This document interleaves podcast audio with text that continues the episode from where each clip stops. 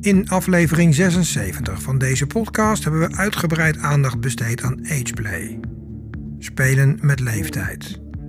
Met de nadruk op spelen. Een aantal luisteraars en ook ikzelf bleven de afloop toch achter met enige vragen. Twee van de mensen die reageerden waren Oda en Babanja. En beide wilden ze nog graag iets toevoegen aan dit onderwerp. Vooral ook vanuit hun eigen voorkeuren, ervaring en beleving. In deze podcast behandelen we dus nogmaals ageplay, maar dan met een iets andere insteek. Family play. Seks binnen de familie en het gezin. Dus seks met je broer, neef, vader, moeder, maar dan als fantasie. Of uitgeleefd met consent met één of meerdere partners. En hoe voelt het om in het openbaar een luier te dragen en hoe is dit bevrijdend en opwindend? Waarom rust er nog steeds, ook binnen de fetishgemeenschap, een taboe op deze beide fetishbelevingen? En waarom is het beslist geen incest of pedofilie? Ik praat hierover met Oda, Babanja en Hans West. Welkom allemaal, leuk dat jullie er zijn. Uh, nou, deel 2 van de podcast over ageplay. Uh, mede ingegeven door een heel leuk berichtje van Oda, die hier vandaag ook is. Oda, welkom. Dankjewel, Dirk. Super dat je er bent. Uh, jij vond de podcast over ageplay super leuk. En jij dacht, ja, ik heb er nog wel iets op aan te vullen. Zeker. En er waren ook nog vragen van luisteraars, dus dat kwam fantastisch goed uit. En ik was al aan het praten toen met Babanja. Welkom. Hi. Leuk dat je er bent. Uh, dat ging ook een beetje over uh, ageplay toevallig. Ja. Uh, heel andere richting weer. Daar ga je ook van alles over vertellen straks. Dat is ook heel leuk. En ik dacht, laat ik ook de Eminence Gries van de BDSM Fetish uitnodigen. Die heeft hier vast hele interessante dingen. Dus Hans, je bent onderhand de vaste huispsycholoog van, van deze podcast. Fijn dat ik er weer bij ben. Ja, gezellig. Um, ik begin maar even met Oda. Je had mij een mail gestuurd. Ja. En wat stond er in die mail ongeveer? Nou, dat ik uh, de aflevering over ageplay had ge geluisterd. En dat ik uh, inderdaad eigenlijk net zoals jij zelf ook in die aflevering uh, aangaf... het gevoel had dat het nog niet helemaal volledig was. want ik miste in ieder geval het stukje waar ik me ook graag mee bezig hou. en dat is het tien gedeelte, dus met tieners. Mm. Um, dus ik dacht van ja, het is inderdaad nog niet compleet. En dat is de middel, hè, zeg maar, de tieners. Ja, dat noemen ze dan de middel. Maar ik, ik, ik, al die termen, dat, dat, ik, ja, ik ben er niet zo uh, in thuis. Ik doe dit gewoon al sinds ik uh, eigenlijk uh, tiener ben. Ja, sorry. Ja, nee, geen geintje. ik bedoel, fantaseren doe ik al sinds ik begonnen ben met masturberen. Dus ja, dat, dat is wel iets wat al heel lang bij me is. En dat heeft zich gewoon... Ja, altijd heeft dat voor mij wel een rol gespeeld in, in, in mijn seksuele belevingen. Ja. Mm -hmm. Mm -hmm. Dus ja, ik, voor mij, ik ben, ik ben niet zo in die wereld uh, van uh, de ageplay gestapt. Wel in de bondage uh, en later ook gewoon de hele BDSM zien. En ehm, ja, nu eigenlijk pas sinds drie jaar heel actief daarmee in, in echt het ageplay gedeelte voor mij omdat ik een partner heb getroffen die, die daar ook mee aan de gang wilde.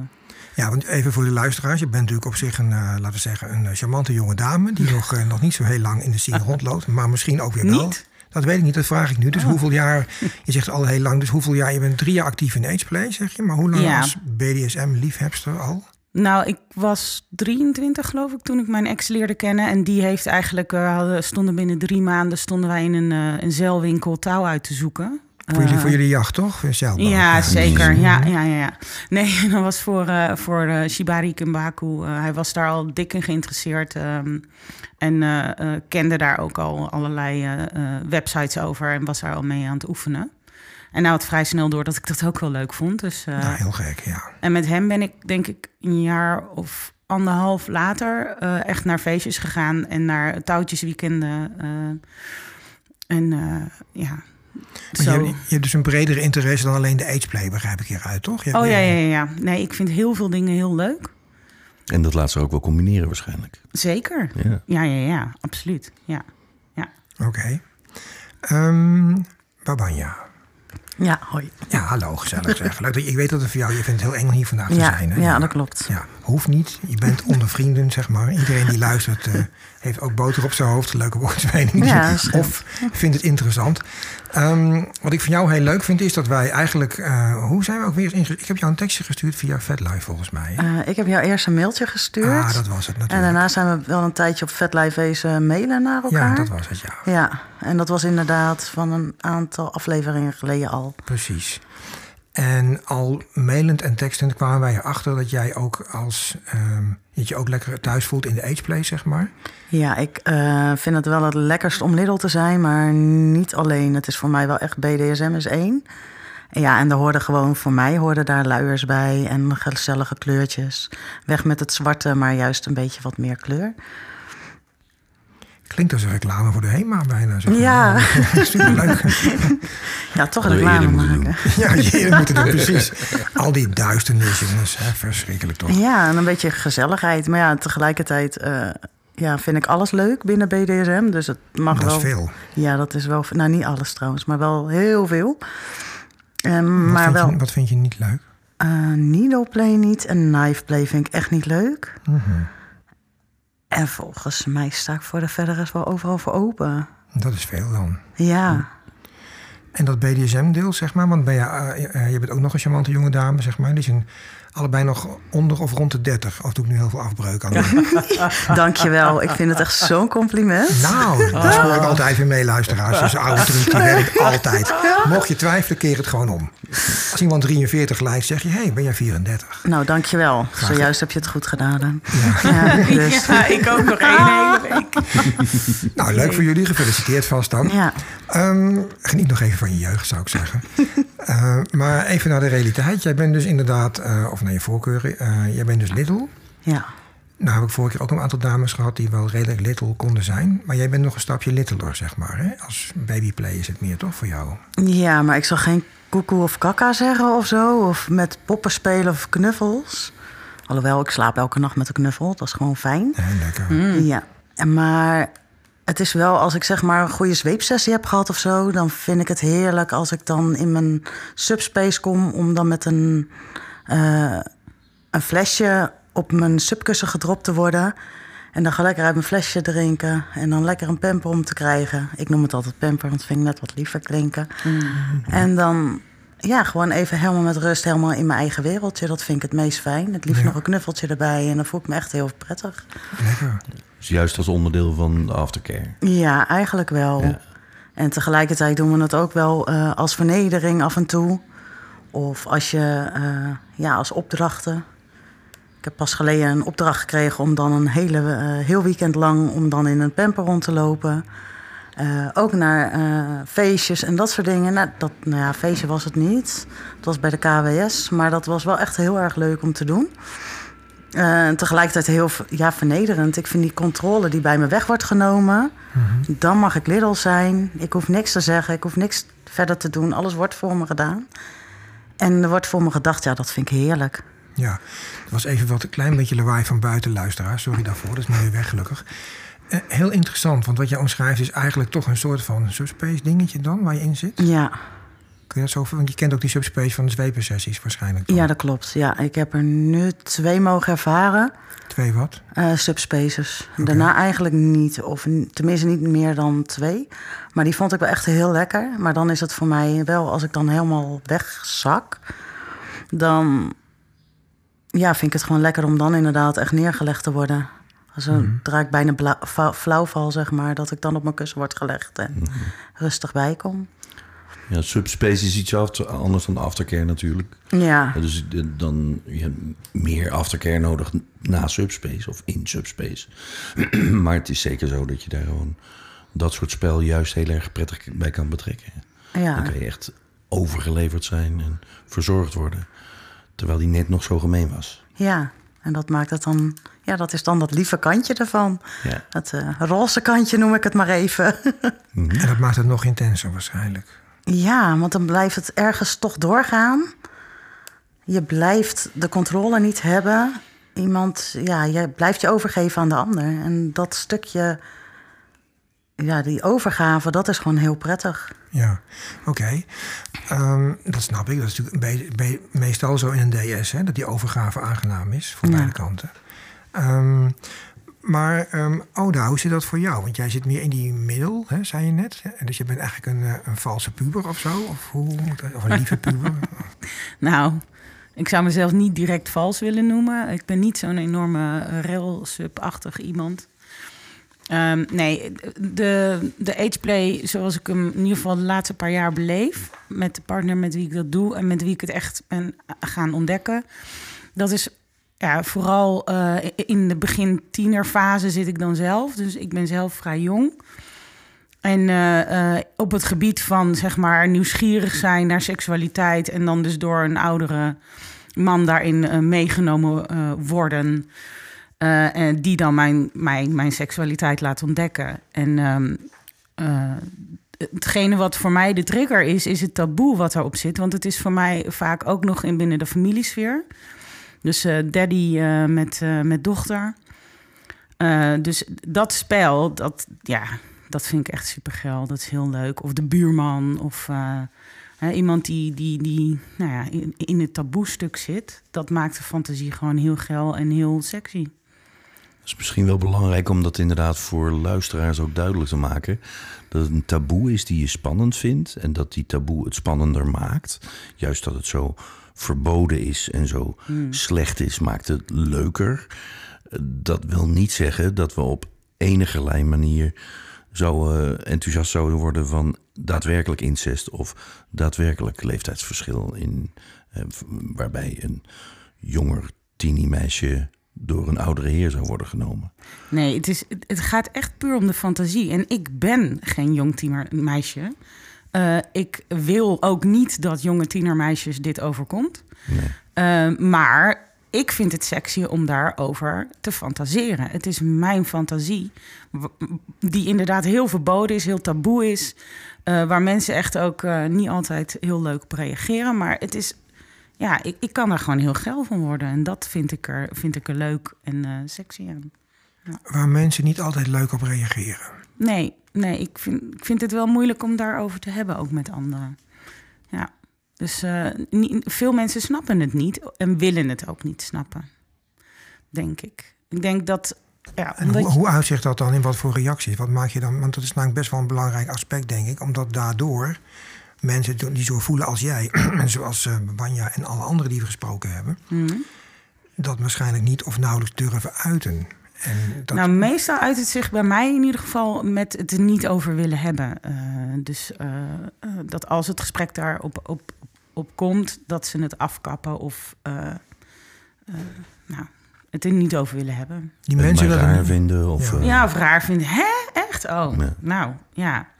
Maar dat is bijna general, in general zo. Als je over een vorm van BDSM praat, Mhm. zijn er maar weinig nou, mensen. deze is wel sterker. Ja, nee, ja. Ja, en, en eh, je hebt een algemeen systeem van mensen dat ze zich verzetten tegen dingen.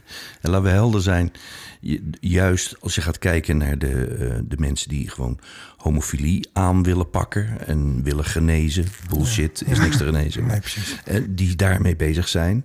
Er zijn best heel veel mensen uit die hoek die dat eigenlijk doen uit hun verzet tegen hun eigen homofilie. Ja. En je kan eigenlijk bijna ervan uitgaan dat mensen die daar echt heel sterk tegen zijn, dat zijn de mensen die eigenlijk hun eigen homofilie verdringen.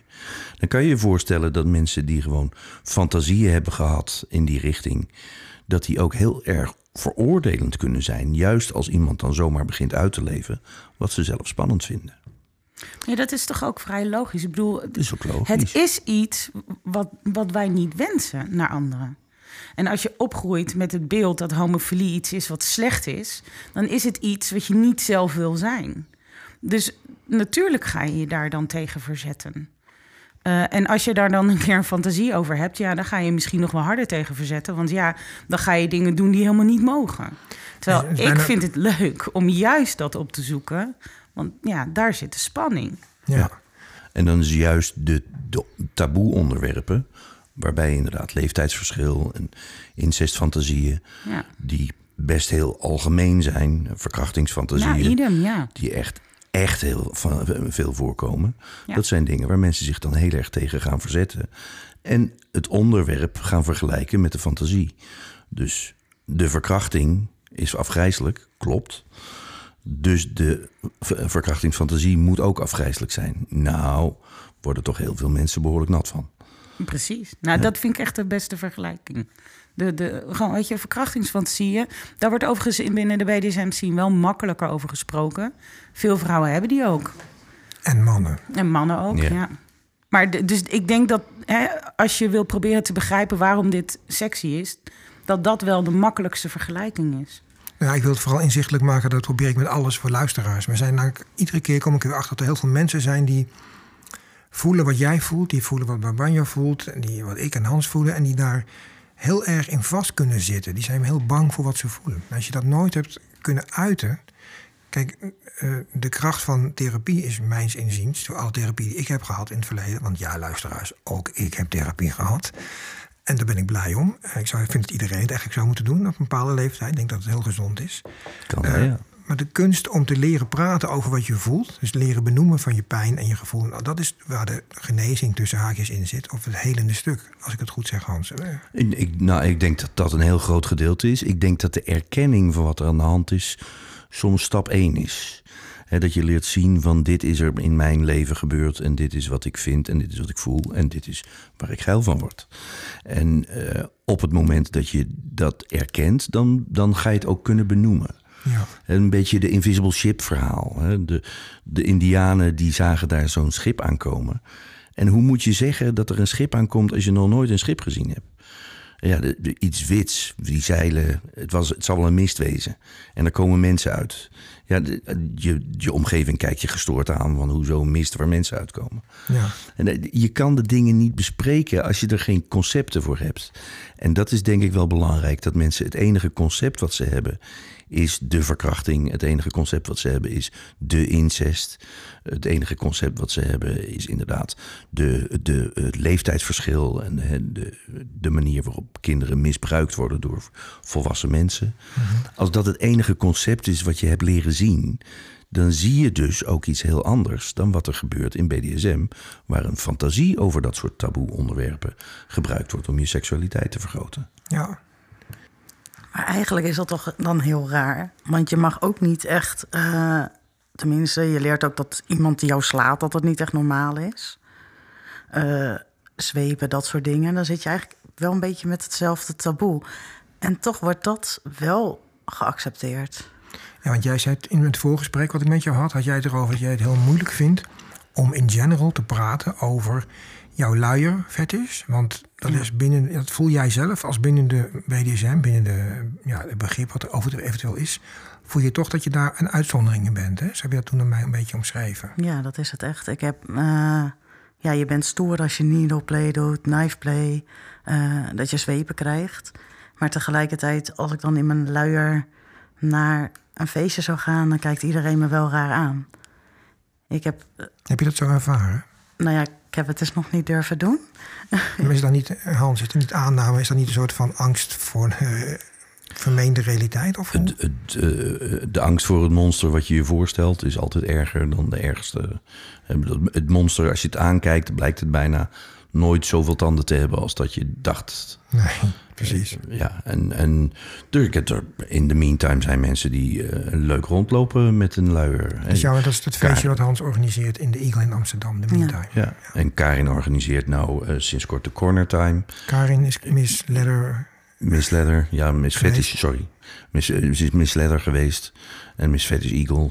En in de Eagle organiseert ze Corner Time. Nou, dat is een, een leuk feestje wat juist gaat over de, de spelkant ervan.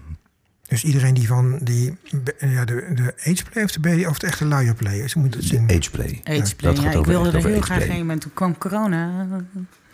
Ja. Maar ik vind wel, ik, denk dat nu hebben we het over feestjes waar dit geaccepteerd is. Ja. Maar ik denk Precies. wel dat als je naar een bitch gaat in je luier, dat je toch nog best wel wat bekijks krijgt. Nou ja, dat. Absoluut. En dan Nou, ben je dat- ook de eerste, denk ik. N- Niet de nou, nee, eerste, niet denk de ik. eerste, ik maar- heb ze wel eens zien lopen, maar je moet wel echt balls hebben Ja. om dat te, te doen. Want ik denk als je dan niet stevig in je schoenen staat... Ja, ik denk toch wel dat daar, nou, wat jij zegt wel klopt. Het is niet stoer. Nee, wordt niet en- als stoer gezien. Het wordt als vies gezien, het Ja. wordt als lelijk gezien. Ik Eh, krijg heel vaak de vraag, goh, maar plas jij daar dan in? Dan zeggen ja, Ja, heel ik plas erin. Doe je er ook wat meer in? Ik zei, nee, dat vind ik persoonlijk niet prettig. Maar als iemand dat wel wil doen, dat is zijn gewoon. of haar Dat keus. vind ik ook. Als je dat je opwint, prima. Ja. En dan vinden ze het vies. En als ik dan zeg, ja, maar mijn daddy die plast ook wel eens in mijn luier als ik hem om heb. Dan worden mensen wel heel erg bang. En nu ga je helemaal glimmen met je ogen. Nee, het is lekker. Ja, ja, maar dat soort dingen, ja, dat vinden mensen dan raar. Maar dan denk ik, ja, het is mijn fetish. Ja, en wat luisteraars zich vol- volgens mij ook af moeten vragen is... waarom zitten al die gaatjes bij elkaar? Waarom zitten al je geslachtsopeningen gecombineerd dan wel niet bij al je... laten we zeggen, waar alles naar buiten komt? Dat heeft een functie. Er zitten ook gewoon feromonen in, die geurstoffen... Die, waardoor je als, als dier zijnde opgewonden raakt. Ik vat het even wat onbeholpen samen, Hans, maar... Het is wel een Dirk fantasie. eh, Ja, ja, Hans gaat het Waar is het wetenschappelijk bewijs, Dirk? Nou, Ja, dat vraag ik nu. Ik kan lekker laf van Hans vragen. Ja, ja, nee, dat is, ik, ik laat deze graag geheel aan jou over. Dirk. Dankjewel. Bij de- hoe de mens eruit ziet en hoe we gemaakt zijn, dat, eh, dat vind ik niet mijn werk. Nee, daar ben ik helemaal met je Ja. eens. Maar wat mijn punt is, is dus... het zit niet voor niks allemaal... die geurstoffen hebben allemaal met elkaar te maken. de, het, het, de geur heeft met elkaar te maken. Het, zijn ook dingen die voor heel veel mensen op verschillende manieren met elkaar te maken hebben. Eh, plassen en, en daarmee je geurtje achterlaten is een ding. Eh, urine en de vernedering daarvan is een ding. Ehm, het feit dat je in je luier zit en dat je het lekker warm voelt voor, worden, is een ding. Ehm, dat zijn allemaal verschillende aspecten van luierfetish. Ja. ja, ik heb ooit een podcast gemaakt. Het was ergens de derde of de vierde... met eh, meesteres Marianne en haar partner Erik. Meester Erik. En die vertelde toen dat zij in hun praktijk... want zij geven ook sessies... een keer een man hebben gehad... die voor het eerst in die sessie in een luier moest leren plassen. En wat vaak onderschat wordt in dit soort situaties... is het bevrijdende ervan. Hè? Dus het feit dat... hoe fijn is het dat je dat mag ervaren van jezelf... Nou, in het begin is het inderdaad alleen al die angst, hè? Dat je dat moet gaan doen. Nou, daar gaat echt wel een paar keer overheen. Dat ga je echt niet de eerste keer kunnen. En je moet het dus ook nog eens gedoseerd doen. En niet alles in één keer. Waarom gedoseerd? Laat, laat lopen, joh. lekker. Ja, dat, dan gaat het, de kans op lek is wel heel groot. Hè, ook lekker, zo Oké. lekker langs je benen en zo hier. En ik heb dat... Ik dacht straf. dat jij er niks mee had, Dirk. Ik hoor je daar toch heel Nee, enthousiast ik zal zo even een toelichting geven, Hans. Moment. Nou, ik heb dat dus op de KWS gehad afgelopen zondag. Toen durfde ik daar niet, want dat vond ik eng. Dus toen liep ik daar in mijn luiertje rond. En op een gegeven moment, ik kan het echt niet meer ophouden. En toen was ik echt vier uur verder en ik had zo'n blaas. Dus toen ben ik naar het toilet gegaan om daar in mijn luier te plassen. Het klinkt echt zo onlogisch. Maar dat was dus veel, want ja, ik liep al een halve dag het op te houden. Dus dat zakt dan meteen naar je onderkant. Ik zit het uit te beelden. Prachtig. Ja, dus eh, waar je poepgaatje zit, zeg maar. Dan loopt Ja, alles. Oh, en dan krijg je dus een hangzakje. En ik had een jurkje aan. Zo En toen moest schattig. ik, ja, toen moest ik dus teruglopen. Dus Dan loop je ik zeg, ja, spoor. ik zeg, oh, help. Ik kan me echt nog herinneren dat mijn kinderen ook echt met zo'n hangzakje rondwaggelden. Zo cute. Maar trek je dan ook sporen door die zaal heen? Of hoe werkt dat dan? Want gaat het dan lekker op een gegeven Nee, moment? nee, het, het kon zich wel ophouden. Want ik had een, eh, wel een speciale luier. Ik had wel echt een ABDL-luier om. Wel een dagluier, dus iets minder dik. Maar die kon wel één plas houden. Maar ja, het hangt gewoon echt heel erg. Je hebt echt gewoon een derde kont hangen of zo beneden. En Als je dan gaat zitten, dan heb je toch een aparte ja, dan- sensatie. ja, dat is wel heel leuk. Dan is het helemaal... eh, Luisteraars, ze glimt helemaal. Dit is echt fantastisch om te zien. Vertel. Ja, als je dan gaat zitten, dan ja, is het en warm. Maar het is ook best wel zwaar. Dus je gaat steeds meer... eh, ja, je hebt het idee dat je op drie kussens zit. En dan ja, liefst duw ik het nog een beetje naar beneden en zo. Ja, dat is echt wel heel leuk Lekker, gevoel. vies het. Heerlijk. Maar dan, dan, dan zoek je dus je deo op en die gaat je dan verschonen. En ja, op de KWS hebben we dat niet gedaan. KWS is de Kinky Warehouse Sale, voor de mensen die het niet weten. En dat is een Ja, ik heb hem weer situatie gemist. Ja. waarin mensen dus, eh, laten we zeggen, eh, samenkomen in Vlaardingen tot nu toe. Ja, Grote sporthal. En dan kunnen Ja. ze dan bij allerlei kraampjes en zeg maar, het klinkt een beetje onerbiedig, maar stands kunnen ze dingen aanschaffen. Ja, En met elkaar socializen, dat is de KWS. Ja. Het, is, het is echt een warehouse sale. Dus het, gaat ook inderdaad om de, om de, stands en de sales die daar zijn. Van zwepen en nou eigenlijk niet zoveel luiers volgens mij. Maar Eh, ik was de eerste. ja, Maar eh, er staan allemaal grote bedrijven. Grotere... Ja. grotere bedrijven. Ik had gewoon allemaal kleine dingetjes. Mhm. Maar ik ging daar ook heen om eens een keer luiers neer te leggen... en eens te kijken wat er gebeurt. En wat gebeurde er? Ik heb ze verkocht. Eh, en er kwamen allemaal mensen wel kijken. En de een die trok een, ja, in mijn beleving een raar gezicht. Wat zeg je dan? Waarom trek jij zo'n raar gezicht, joh? Nee, dan werd ik een beetje angstiger, dus dan zei ik Dat moet niks je meer. juist doen, dat is leuk, weet je wel. En bij sommigen dan zag ik ze zo kijken en dan zag ik ze zo voelen. En, en dan zei ik, ja, leuk hè? Ik zei, dat zit ook hartstikke lekker. Kijk, ik heb ze in verschillende kleurtjes en ik, heb, er- ik heb er ook en- eentje aan, dat je het ook zien. Zo. Nou, ik heb wel verteld, dat ik durf het niet te laten zien. Maar ik heb het wel verteld tegen mensen van... ja, maar ik draag er ook één. Ja, dat hoef je helemaal niet te zien. En ja, toen nog niet. En, en ja, dat zit gewoon echt heel lekker. En je hoeft je geen zorgen meer te maken. Ik bedoel, ik ben naar de bios geweest. Heerlijk. Iedereen die moest eruit om te plassen. En ik zat... Maar was dat Sukkels. daarna? Ben je naar de bioscoop geweest? Nee, dat is Oh. al een tijdje terug. Ah. Dat is een paar maanden geleden. Dus ja, dat leg ik dan uit. En dan ja, krijgen ze best wel interesse. Dan, maar ja, er heeft er maar één iemand heeft wat gekocht. En hoe zijn de reacties in general? Is dat meer afwijzend of juist ook heel leuk? Ja, ik denk wel heel leuk. Ik kreeg sowieso wel eh, reacties, ook privé, op een gegeven moment via vet, dat mensen mij benaderden. Met ja, leuk. Ja, ik durf het eigenlijk alleen nog niet zo in het openbaar te doen. Maar wel leuk dat je dat stond en dat, dat moet echt naar voren komen. Dan denk ik, ja, kom mee dan. Ja, precies. Want wat, wat, wat kunnen wij nu voor dit soort mensen bedenken, zeg maar? Dus dat wat Hans net zegt, hè? eh, Karin organiseert dat feestje in de meantime. Ja. En ze heeft ook ervoor gezorgd dat ook in eh, eh, bijvoorbeeld Mr. B en zo, dat fetishluiers echt een ding zijn. Die daar ook verkocht worden in kleine pakketjes. Eh, dus dat is de, je, je komt niet zo makkelijk met een heel pak thuis. Want dat, die koop je meestal in de winkel toch in grote pakken. ja, ja. En eh, ja, dan heb je schattige luier, luiertjes met leuke kleurtjes. Of juist in het zwart, dat het wat stoerder is. Eh, je, je kan je voorstellen dat mensen die inderdaad eh, meer de ABDL, dus Adult Baby Diaper Lover, dat die ABDL, dat, dat, dat juist dat de volwassen kind spelen, dat dat een spel is wat leuk is en liever kleurtjes heeft en of, of juist wit. Eh, terwijl de diaper lover ja, verder eigenlijk helemaal niet zo bezig is met klein zijn. Maar het is een heel lekker gevoel voor de diaper lover om gewoon een luier aan te hebben. Ja, en ja. te kijken van eh, ja, de- daarin te zitten en dan al dan niet dingen te laten lopen of niet. Hè, soms ook alleen het warme gevoel van het ingepakt zijn. En dat zijn mensen die zeggen in een aantal gevallen... oh, ik vind het wel lekker dat hij niet zwart is, dan valt hij niet zo op. Ja, precies. Maar die zwarte, die kraken wel meer. Oh, dat is wel sexy. maar- nou, kraak is oké, wel lekker, hè? Ja, natuurlijk. Ja. Voor mezelf doe ik er minder mee. Dus dat is, eh, dat is eh, van die inside dingen. Ja, maar voor de echte liefhebber niet te versmaden. Hans, nee, nee, moeten we nee, nee, even... nee, nee. Je bent- Dat is me heel duidelijk. Ik bedoel, de- als je rubberfetischisten hoort over hoe hun rubber kraakt... of hoe hun rubber glijdt. Ik bedoel maar Dirk.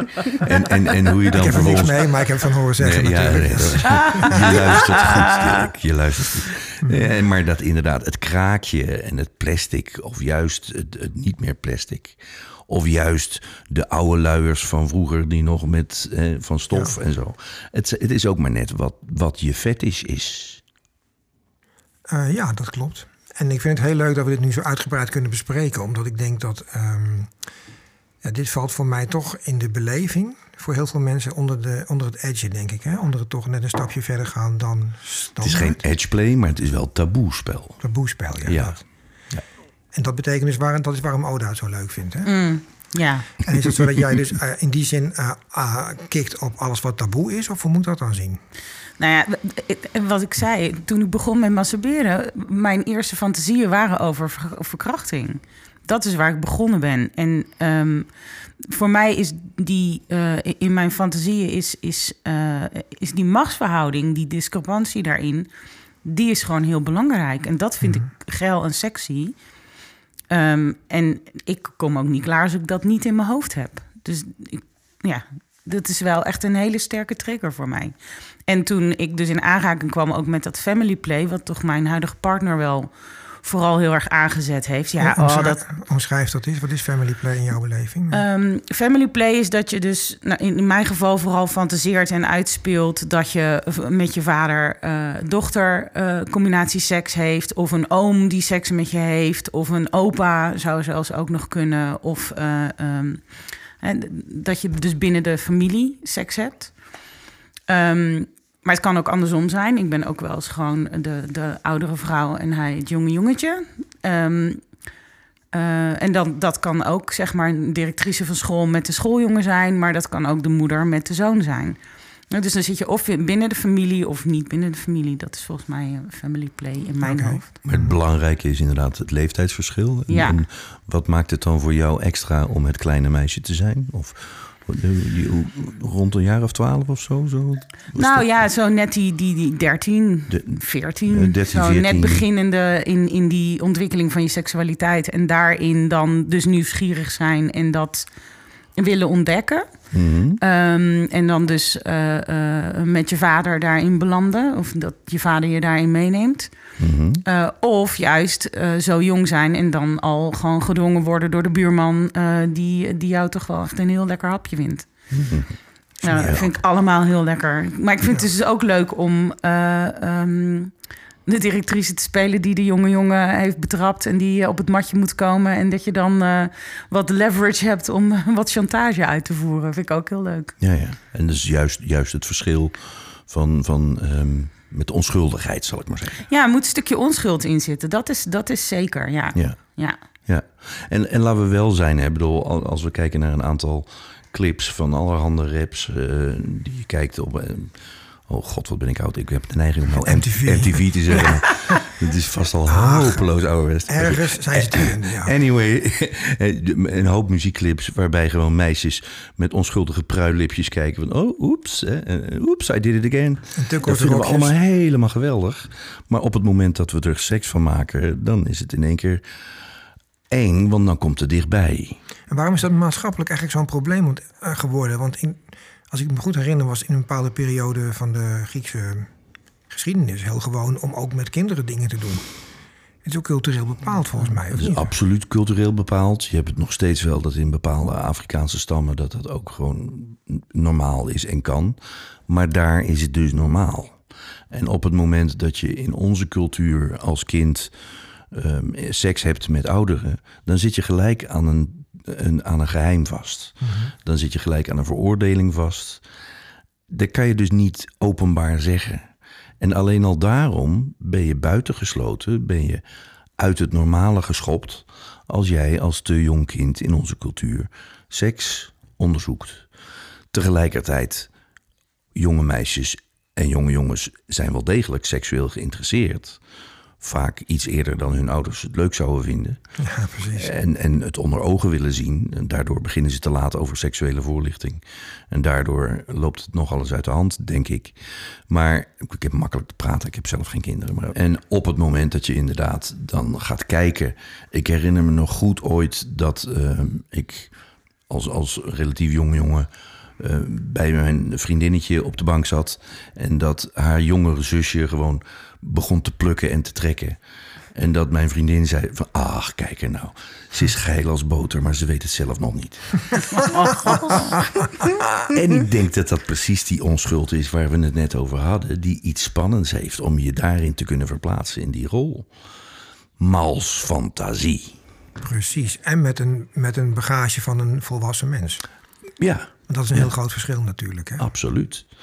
Op het moment dat je als 12, 13, 14-jarige seksualiteit gaat beleven en je gaat daarin de verantwoordelijkheid krijgen en dan al helemaal de extra verantwoordelijkheid die je krijgt van het vasthouden van het geheim. Je mag hier niet over spreken. Ja, dat, dan krijg je veel te veel verantwoordelijkheid als kind Ja. bij seks. Het is een veel te krachtig en machtig iets wat je, waar je nog niet op voorbereid bent. In onze cultuur niet. En zelf waarschijnlijk in je brein, nou waarschijnlijk ook niet in mijn hoofd. Maar op het moment dat je dat als volwassen mens inderdaad met die verantwoordelijkheid die je kan dragen, gaat terughalen en gaat uitspelen, dan kan het heel bevrijdend zijn om inderdaad te doen alsof. Precies. Ehm, en is het ook zo, je vertelde net even dat Karin ehm, ook bij Mr. B, dat is een, eh, een winkel in Amsterdam of ook een webshop, die zich erg toelegt op de gay community, zeg maar. Eh, dat ze daar dit, de luierverkoop heeft ingebracht voor een deel, hè, begrijp ik.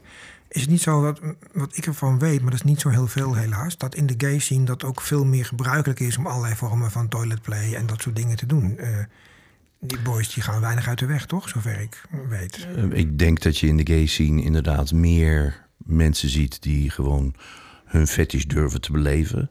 Ja, hallo, je hebt je moeder al moeten uitleggen dat jij het leuk vindt om met een man te neuken. Eh, ja, dan, dan is de rest is allemaal wat makkelijker te bespreken. pissen kan er gewoon wel even bij. Ja, hè, maar dan, dat, ja. dat, is, dat is gewoon een heel ander verhaal. Ja. En, en dat maakt denk ik ook de durf om fetishes te beleven onder mannen onderling wel sterker. Ja, hè? Ja, toch Ja. zitten daar wel heel veel taboes hoor. Vertel. Absoluut ook. Na afgelopen zondag sprak ik iemand en die vertelde van, nou ja, weet je, puppyplay en hartstikke leuk. En ja, ze durven inderdaad wel meer. Maar net als inderdaad luiers, dat durven zij dus ook niet uit te dragen, ook niet naar elkaar. Dus dat gaat allemaal heel stiekem, dat hebben ze dan ergens onder en laten ze een heel klein stukje zien. En ja, dat is allemaal heel eng. Eh, ook naar elkaar toe. Dus het is niet gezegd dat ze het altijd ook durven. Dat is heel jammer. Hè? Dat het eigenlijk, ik vind het echt iets heel normaals. Zeg maar. ik vind, Ja. Als mensen het nou leuk vinden, doe het gewoon lekker. Nou ja, dat zij uit de kast moeten komen, wat ik eigenlijk raar vind. Want ik als hetero hoefde ook niet uit de kast te komen dat ik hetero ben. Oké, daar kan ik inkomen. Maar nu moeten ze eigenlijk nog een keer uit de kast komen voor elke fetish dat ze met zich meedragen. Klopt. En dat vind ik niet kloppen, want wij hoeven niet uit de kast te komen. Wij vinden gewoon iets leuk. Net als dat iemand anders, weet ik het, wat vogelspot... vind ik het leuk om in een luier te lopen of me te laten zwepen. En dat hoef je niet per se ja, uit te leggen. Of dat moet gewoon normaal kunnen zijn. Nou, al dat normale en geaccepteerde. Even, even een, een lans breken toch voor... eh, eh, je zegt net, van, je bent vernederd. En dat was wel een gedeelte van de kick dat je daar zo rond moest lopen. Ja. Met je rode koppie. En, en ah. ja, dat is, dat is in één keer weg als het allemaal normaal is. Als we hier allemaal met een, met een luier omlopen... dan is er geen vernedering meer wat dat betreft. Nee, maar dat Dus voor een stukje zou ik willen pleiten voor... hou het nou lekker pervers en niet al te normaal. Dan kun je tenminste in ieder geval leuk dat soort dingen ook uitspelen. Maar zou je het niet heel fijn vinden, want dat heb ik wel eens gedacht. Als iedereen nou, zeg maar, in principe elke fetish kent en, be- en beseft en snapt en voelt in basis, hè, dat maakt het wel heel makkelijk om een partner te vinden. Ja. Ja, ik, de- ik- just saying, hè. Ik bedoel, dat is net omgekeerd normatief, noem je dat toch, Lan? Dus net, dat- ja, maar hoe leuk is het om iemand te kunnen perverteren, Dirk? Ik doe niet Kom. anders. Ja, daarom. Dus dat, eh, ik, ik zeg, eh, ik breek ook een lans voor eh, het overeind houden van sommige taboes. Oh, wat ben, je, wat ben jij evil, zeg. Oh, heerlijk. En dat allemaal gevoed door Hans. Dat is ook zo'n stoutertje. Nou, lekker. Maar ehm, is er nog iets, eh, even om dit een beetje goed te belichten... wat ik niet heb gevraagd over de luierplay voor jou? Want er zijn best misschien wel dingen die zegt... nou, daar wil ik nog wat over zeggen ook. Want, eh, jij zit volgens mij nog best wel in een struggle... om daar iets mee te doen, hè? Ja, dat klopt. Ik, ja, ik doe het elke keer wel stiekem. Al laat ik het wel gewoon zien op mijn vet. En praat ik er ook over met mensen. Maar ik vind het allemaal doodeng. Want ik heb elke keer zoiets... Ja, eh, wie ziet dat? En wie heeft er een mening over? Eh, ik vind Lidl wel leuk. En tegelijkertijd zeg ik elke keer... Nee, ik wil het niet, ik wil het niet. Maar ik durf alleen maar Lidl te zijn als mijn eigen D zegt... van nou, weet je, eh, jij moet Lidl zijn. Terwijl dat ik soms gewoon echt vraag door heel erg te gaan beretten van hallo, eh, geef me dat. En hoe lekker zou het zijn als, nou ja, net als de mensen die aceplay echt, echt alleen aceplay doen, die zie je echt gewoon, ja, die doen dat vanuit zichzelf en die gaan spelen. Ja, dat spelen heb ik dan niet zozeer, maar ja, die gaan wel echt los. En waar zit het verschil voor jou dan in? Want en jij zegt dat je, je schaart jezelf wel onder ageplayen, toch eigenlijk? Ja, maar wel alleen bij het BDSM. Het moet voor mij wel echt die combinatie zijn, zeg maar. Dus dat heb ik wel. Maar ik wil het echt wel als dat ik hem, ja, wat jij zeg maar hebt als tiener. Ik wil echt wel een vader hebben die mij helemaal begeleidt in mijn luier. Maar ja, dan heb je dat stukje taboe inderdaad ook. En ik spreek heel veel kingsters die zeggen: Ja, ik vind het ook allemaal leuk, maar niemand mag het weten. Niemand mag het weten. Ja, dat bedoel ik. Hoe- Ja, dat is Ja, en daarom durf ik er ook niet echt voor uit te komen. Misschien is het wel leuk toch voor de luisteraars, als je dat wil zeggen... om iets meer te zeggen over what's in it for you. Waarom is dat zo prettig om dat zo te beleven? Lastige vraag hoor, maar Laat hem even bezinken. als je het wil zeggen. Op het moment dat ik mijn controle mag overgeven, dan ja, dan hoef ik even helemaal niet meer te denken. Dan is de grote boze wereld, zeg maar, is weg. Want ja, er gebeurt genoeg in het dagelijkse leven wat ik eigenlijk wat minder vind. En dan kan ik het gewoon even loslaten. Dan wordt er voor me gezorgd. Ja, je kan alles laten lopen. En het zachte gevoel en dat warme gevoel van de luier geeft dan op dat moment voor mij heel veel comfort, heel veel uh, geborgenheid, heel veel liefde. En als ik dan ook nog iemand heb die me vastpakt, of me een flesje naast me neerlegt, of een speen in mijn mond doet, Mhm. ja, dan voel ik me geborgen en dan is, is alles gewoon goed. Dan hoeft er even niks. Wat zit er eigenlijk in dat flesje? De eerste keer heb ik het gedaan met wijn. Maar ja, zeggen. Maar, sorry, maar goed. Dat is niet aan te raden. Onverantwoordelijke waan. Ja. Maar wat leuk dat je dat zo Ja. vertelt. En wat fijn. Ja. Ik bedoel, dat is echt super om te horen. Want het gaat heel erg diep over jouw gevoel, hè? Ja, dit is echt gewoon echt mijn gevoel. En ja, dan, dat zeg ik, dan ben je gewoon echt klein en heel erg geborgen. En als je er op een gegeven moment dan daarna weer uitkomt, ik weet niet, maar dan kan ik de hele wereld weer aan. Ja, maar dat is denk ik iets wat de meeste BDSM'ers, fetischisten ervaren in een DS-achtige situatie, toch? Na afloop. überhaupt als je je, je fetish integreert in je leven op het moment dat je uit durft te leven wat je eigenlijk mooi vindt of spannend vindt of fijn vindt, dan kan je de hele wereld weer aan. Ja. Daar, daar word je sterker van in de wereld. En, en dat geldt voor iedere fetish. Maar ik kan me heel goed voorstellen dat dat ook voor deze fetish geldt. En, en jij bent niet van het spel. Een ander die heeft juist dat ze zeggen van... het is voor mij totaal niet, totaal niet seksueel. Maar samen spelen en samen bordspelletjes doen... of, of samen eh, met poppen spelen... of samen in een... noem maar op, dat soort kinderspel... dat ze daarin gaan. En dat ze daarin zichzelf kunnen zijn. En dat ze daarin zonder daddy of zonder mommy... maar gewoon met, met andere kindjes kunnen spelen als kindje. Dat is... Ja, daar moet je eerst met je hoofd omheen. Maar als je snapt wat voor ongerept spel er is... dan is dat iets waar je kan begrijpen... dat mensen in één keer de wereld weer aan kunnen. Ja, maar ik kan me voorstellen dat het bevrijdend is. Ja, Ja. ja. Maar volgens mij is dat in heel veel fetishes en, en, en kinks is dat toch zo. Het gevoel van geborgenheid hoor ik continu terugkomen. Het Ja. gevoel van bevrijding. Ja. Het gevoel van, eh, eh, eh, van, van sterkte wat je eruit haalt. Mhm. Volgens mij is dat een soort ultieme lijn die door al die dingen heen loopt. Ja, dat denk ik ook. Ja. Het maakt echt niet eens zo heel veel uit hoe je dat beleeft, of wat je fetish is, maar je komt tot Nee. dat punt. Dat is, eh, ik heb nog een ander vraagje voor Hans eigenlijk. Ik heb een keer gelezen dat eh, de beleving van BDSM, ik citeer het weer half, maar er ongeveer op neerkomt dat je teruggaat naar de baarmoeder. En dat hoor ik een beetje in het verhaal van, van ja, terug, zo van dat geborgen gevoel. Weet je waar jij het over hebt? Weet je dat er een naam voor is? Tigmofilie. Dat is tegenovergesteld van claustrofobie. Ik heb toevallig een heel leuk boekje van eh, Midas Dekkers gekregen. Oh, ja. Dat is Dat ook een is het stoutertje, die gevoel Midas. Ja, ja. Ja, het, het, het, eh, hè, katten gaan ook in een kleine doos zitten. Het willen kruipen in een kleine ruimte omdat dat lekker voelt. Ja. Oh, sorry. Ja. Ja. ik praat weer niet in de microfoon. Nee, daar krijg je straf voor. Daar gaan we het zo nog even over hebben. Maar dat, dat, dat, is, dat gaat erover dat je dus graag in kleine ruimtes wil zitten... omdat je in de baarmoeder was je zo helemaal omringd door die druk... En overal werd er, eh, was er gevoel op je lijf. En dan kom je in één keer in die wereld. En ja, daar heb je dat niet. Daarom is dat bakeren bij kinderen is, is zo lekker. Ja, en dat is ook iets met touwen. Als ik ja. het is een soort enorme omarming. Zo voel ik dat echt. Dus dat vastgepakt worden, ingepakt worden, omarmd worden. Ja, dat is, dat is volgens mij een enorme basis, eh, eh, basisbehoefte ook wel. Met inderdaad eh, van die dekentjes die verzwaard zijn. Ach, of ja, rubber, eh, rubberfetischisten die zeggen van, oh, het is heerlijk. Die rubber Of bodybags corsetten. en zo. Ja, ja, Ja. bedoel, Oh, bodybag is lekker. ja. Ja, vind Ja. ik ook. Ja. Hele zware, niet zo op je Oh riemen. ja. Ik kan helemaal zo vast liggen. Oh ja. Vertel door, ga door, ga door. En zo ontaarden de podcastluisteraars. Vertel er zelf over. Nou ja, wat, eh, ik zou nog wat vertellen over dat. eh, ik heb natuurlijk allerlei toilet play games uitgeprobeerd. Ja.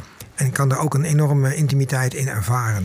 Ik heb ook meegemaakt dat ik inderdaad in een latex bodybag vast lig... met zo'n speciaal eh, toilet erbij, zeg maar. Dat er een domina op mij zat. En D waar ze zin in had. En dat was van square te pissen enzovoorts. En dat vond ik, omdat je geen kant op kunt, een heel raar soort intimiteit is dat. Omdat je eigenlijk iets deelt wat je normaal nooit met iemand deelt op die manier. En dat is, Mhm. was, was voor haar en voor mij een waanzinnige ervaring. Mhm.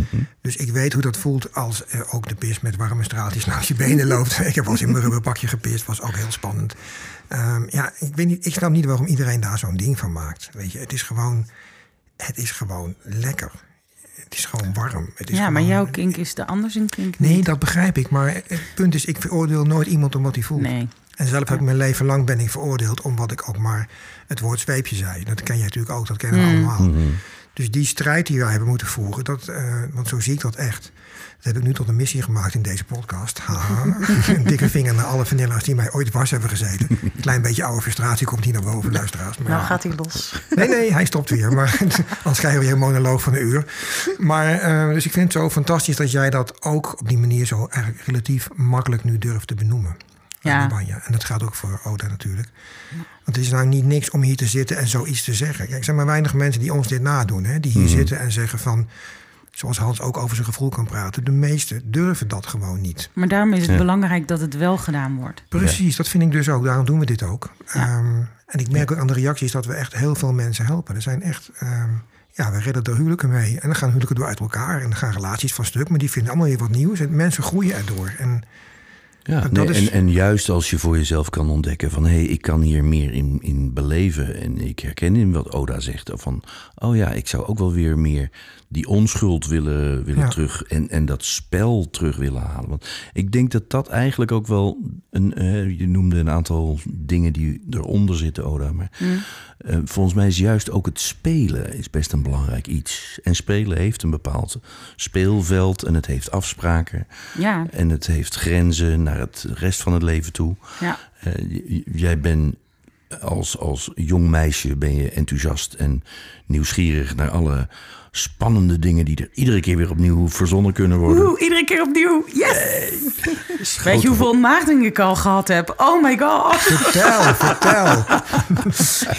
Wat is je score? Zit je nu op Ik heb 100? geen idee meer.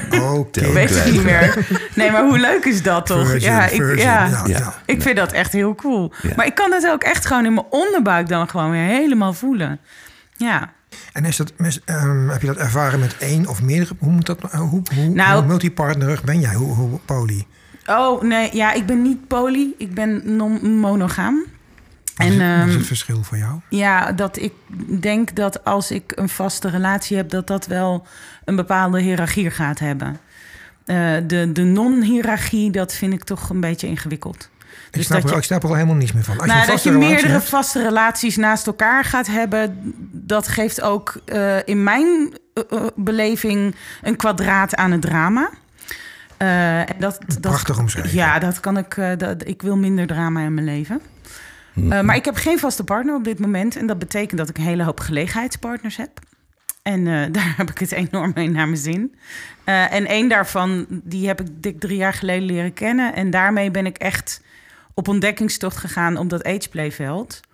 Eh wij zijn begonnen met echt een keer een script samen uitschrijven. Eh, en toen zijn we samen een weekendje weggegaan naar een huisje. En daar heb ik me echt ook helemaal verkleed. En ik heb zelfs eh, bloed op mijn knie gemaakt, want ik was gevallen met de fiets. En ik belde aan bij de buurman of hij me even kon helpen. En eh, dat deed de buurman natuurlijk. En daarna had ik toch gewoon een heel kort rokje aan. En nou, zo eindigde dat in, eh, in de slaapkamer voor een hele stomende sessie van eh, hele geile seks.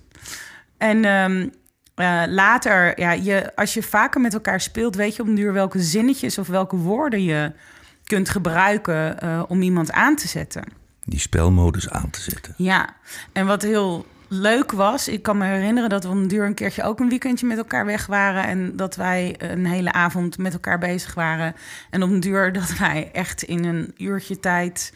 eh, dat wij aan het seks waren, gewoon dat er verschillende scènes en verschillende scenario's dwars door elkaar heen, zeg maar, voorbij kwamen vliegen door de woorden die je gebruikt of door de zinnen die je zegt. En wat bedoel je precies? Dat je dus verschillende spelfases terecht kwam, zo op die manier? Of? Eh, nee, dus nou, gewoon, nou ja, ik weet niet hoe jullie seks hebben, maar als ik seks heb, dan ben ik wel eens gewoon een uur lang bezig met verschillende standjes en verschillende Oh, zo, ja, ja, ja, dingen. ja, zeker. Ehm, maar ja, ik praat ook. Ik ben best wel auditief ingesteld. Mensen die tegen mij praten en vieze dingen tegen mij zeggen, oh, daar word ik heel, daar ga ik heel goed op. En zeker als je dan dus refereert aan mijn fantasieën, aan eh, eh, en mij gewoon letterlijk vertelt eh, wat er met me aan het gebeuren is. En dat Ja, in die fantasieën plaatst. Ja, nou, daar ga ik heel hard op. Dus en daar gaat hij ook heel hard op. Dan kan je in één uur ontmaagd worden en de boze buurman en Ja, de en de directrice zijn. En de directrice het kan zijn. allemaal. Ja, en Ja. dat is dus inderdaad het schitterende van waarom het in fantasie geweldig is en in werkelijkheid verschrikkelijk. Ja, ja, Ja. zeker. Ja. Heb je er een beetje een voorstelling van, Dirk? Nou, ik moet zeggen dat het me allemaal steeds duidelijker wordt. En dat ik eigenlijk in het meeste wat jullie vertellen kan ik me heel goed vinden. Dat was trouwens in de vorige podcast met over ageplay ook wel. Alleen dat stuk wat voor mij lastig blijkt, is wat jullie net ook weer omschreven. Dat is dat stukje waarin je dus zegt van ja, het spelletje alleen zonder de seksualiteit. Dus het is heel leuk om samen met kleurpotloden bezig te zijn en dat zo te voelen. Ja, die kan ik me heel moeilijk voorstellen. En nou weet ik toevallig van jou dat jij wat hebt met Donald Ducks. Ja, Ehm, dat, dat, klopt. weet ik ook. Hoe weet jij dat? En, Ik en ben naar je wc geweest. Aha. Ik heb niet goed gekeken. Daar heb ik uit voorzorg maar Donald Duck neergelegd, luisteraars. Want ik denk, ja, mijn echte lectuur, nee, geintje. Ik vind Donald Duck fantastisch, omdat het eh, bij mij appelleert aan een soort van... Ik krijg daar ook een soort relaxed gevoel van. Precies. Dus dat is ongeveer wat je ook zei. Precies. Nou, eh, opgelost dan. Helemaal waar het over gaat. Spot on. Ja, dat is spot on. Gewoon dat je even als klein jongetje lekker daarin kan kijken. En dat het heerlijk jouw wereldje is. En dat het. Ja, lekker. En, en voor sommige mensen is dat met andere mensen. En voor sommige mensen is dat juist alleen. Hè, maar, maar dat is een beetje die. Eh, Moet je dat regressie noemen? Vind ik een beetje ver gaan. Maar wel dat je er van die periode terug kan genieten. En dat je dat nu weer opnieuw anseneert, oproept. In jouw geval met Donald Ducks. En in een ander geval met vriendinnen met bordspelletjes. En een volgende door een luier. En de volgende mm, nou, op andere manieren. Ja, dus eigenlijk wil je zeggen dat ik ook een vorm van ageplay ervaar. Nou, dat is wel Zoiets. waar ik inderdaad Ja, ja, aan ja, ja. probeer. eh, Het, Het non-seksuele allemaal- stukje is dat. Appelleert dat zeker? Ja. aan je? Ja. Eh, dus soms dan staat gewoon die viezerikken staan zo ver van ons af. Terwijl als je dan vervolgens kijkt hoeveel, nou zeker bij middleplay, hè, hoeveel voorbeelden er zijn in onze cultuur waarin jonge meisjes onschuldig ogend op de schoot van een oudere heer zitten. Eh, als je kijkt naar, naar hoeveel van die kleine meisjes die er danspasjes aan het leren zijn. En make-up op hebben van veel te veel. eh, Die, die page queens, of hoe heet ze ook alweer. Nou, dan, dan snap je van in onze cultuur zit dat ook. En op het moment dat je dat herkent, want dat vind ik een element wat we eigenlijk nog niet zo benoemd hebben. Op het moment dat je dat herkent, heb je eigenlijk minder risico. Mensen die hun, hun fetish herkennen, die hebben dat, het, dat ze het kunnen sturen. Dat ze er een ander bij vinden, dat ze een ander bij moeten vinden. En dat dat soms knap lastig zoeken is. Dat zijn mensen die veel minder kans hebben om inderdaad in de, in de perversiehoek terecht te komen waarin ze andere mensen beschadigen. ja, precies. Op het moment dat je weet dat je verkrachtingsfantasieën hebt en je speelt ze uit en het is knap lastig om dat goed te laten gaan en wat zijn de stopwoorden en wat toch niet en eh, we zijn enorm aan het verkrachten, maar wel safe seks, dan, dan, dan komt er zoveel bij kijken en het, en het is hartstikke geil. Maar het wordt iets anders wanneer je inderdaad zegt van nou, dat, eh, echt geen behoefte meer aan verkrachting. En zo zie je eigenlijk bij mensen die juist met ageplay ve- bezig zijn, heel vaak dat ze zeggen van die kinderen, de- ik kan het me niet voorstellen. Of soms echt ook juist voorvechters die echt zijn, zeggen van ik kan me zo goed voorstellen hoe verschrikkelijk het is dat je als kind misbruikt wordt. Want ik ervaar het in mijn spel dat het niet seksueel moet zijn. Waarmee ze juist veel veiliger zijn. Terwijl de buitenwereld denkt van die vieze pedofielen. Ja, precies. En dat is niet zo. Nee, exact. Ja, maar ik ben echt geen pedofiel. Nee, Nee, maar dat En, zou ik ook en, juist- en mijn juist niet partner ook niet. Nee, maar juist niet. Juist niet juist niet. Nee. Omdat je niet hebt hoeven onderdrukken. Maar ik, maar ik weet wel dat toen wij hiermee begonnen, zijn we ook begonnen met de buurman. En niet met, eh, eh, met de family bijvoorbeeld al. Mhm. Eh, en, maar het moment dat wij met dat family play aan de gang gingen, hebben wij ook het gesprek gehad van, joh, weet je, dit is wel een fantasie en niet eh, eh, iets wat je in werkelijke, de werkelijke wereld zou willen doen. Ja. Dat, omdat het toch, ja, het voelt ook wel, zeg maar, alsof je met echt een taboe speelt. Met dingen die echt niet mogen. Maar het is ook echt wat je doet, is ook echt een verkrachting toch op dat moment. Het is toch in jouw beleving. Natuurlijk is het, toch, is het niet een echte verkrachting, Nee, maar- want ik heb mijn consent gegeven. Dat snap ik, maar in de beleving, in het gevoel kun je eraan overgeven. Zo bedoel Ja. ik het meer. Ja. En dat maakt het Je eigenlijk. kunt je overgeven aan de fantasie. Dat is Ja. echt iets anders. Ja, Maar fantasie En- is niet iets echt. Ik weet ten alle tijden dat ik eh, eh, eh, 43 ben en niet 14. En dat je stop kunt zeggen. Ja. En, en ik weet ten alle tijden dat ik niet in een werkelijke situatie zit daarvan. En dat maakt dat je precies alle spannende dingen ja tegen kunt zeggen. Ja. En ook wat dingetjes, wat hobbeltjes kunt nemen van, nou, hou het erbij. Maar dat is dan iets volledig anders dan een echte verkrachting. Ja. Waarbij mensen niet nee kunnen zeggen. En ja, niet toekomen, nou, soms wel, maar aan, aan de prettige kant van de zaak. Maar ik wens dat natuurlijk En- Nee, niemand dat is toe. verschrikkelijk. Volgens mij is het nooit zo. Precies.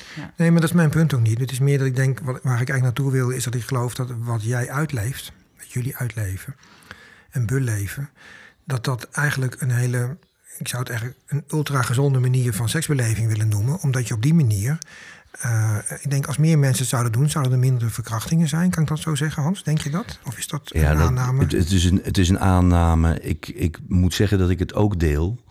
Het is een beetje als de luier eh, die, eh, waar, waar jij het net over had. waarvan je op het moment dat je een hele tijd uitstelt, dan loopt die over. En heel veel mensen die gewoon hun fetish eh, als het ware te ver hebben uitgesteld, die gaan het op een gegeven moment lopen beleven in hun leven. ja, precies. Je ziet het ook wel bij mensen, en daar kom ik ook wel bij mijn klanten tegen, die als het ware hun fetish onderdrukken.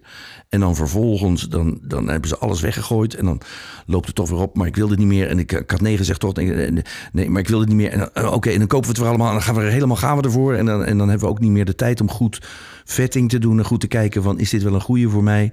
Dus dan kom je ook weer bij de eikels uit en dan loopt die relatie weer voorbij. Oh, zie je wel, ik moet het ook nooit meer doen. En, nee, ah, mijn leven uit. En, en die cirkel herhaalt zich en herhaalt zich. Tot je zegt van laat ik nog even tijdig naar de wc gaan. Hoef ik niet bang te zijn dat het langs mijn benen loopt. precies.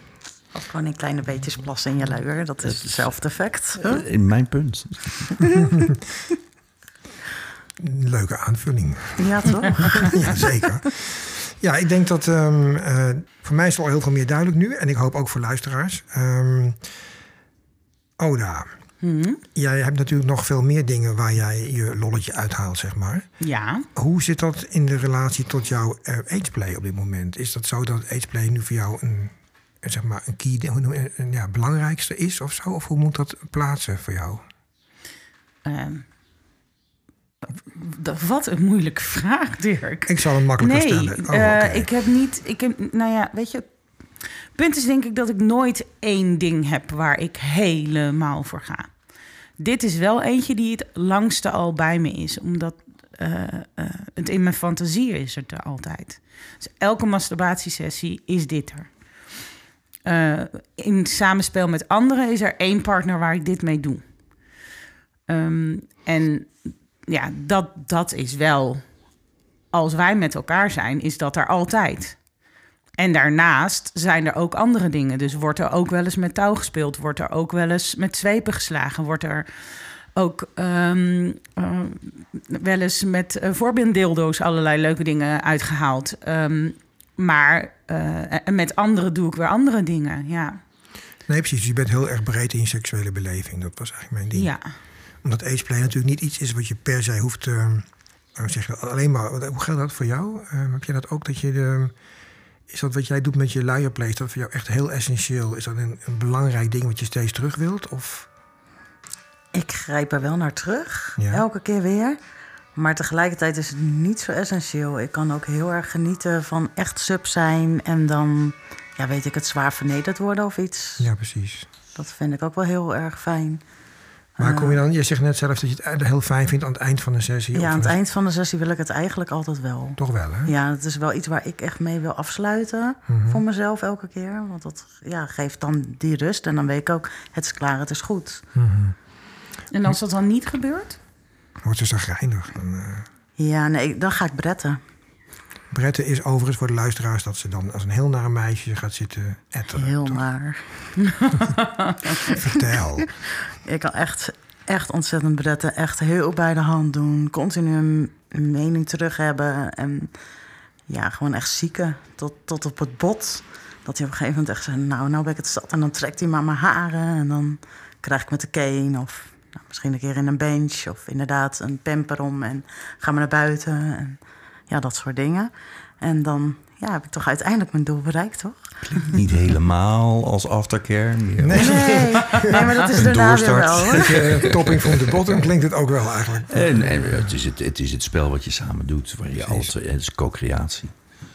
Ja. Maar ja, topping from the bottom. Ik bedoel, ze vraagt gewoon om, om, om Om getopt te worden en om meer. Ja. Waarom zou dat topping from the bottom zijn? Nou, om er- meer vragen mag toch? Dat mag. Er is een verschil, denk ik, tussen precies. volwassen even zeggen... Goh, schat, kan het de volgende keer iets dominanter? Of inderdaad het spel ingaan en gaan zuigen tot je op je donder krijgt. Ja. Ja, maar dat is ook heel leuk. Ja, dat is heel lekker. Het is, is een het vrouwendingetje een vorm van spel. mij, ja. Het is een vorm van spel. Doen mannen, dat, Ja. mannen doen dat volgens mij niet zo bret, hè? Oh, jawel. Oh, ja, toch. Ja. Oké. En is dat dan ook echt zo zuigend?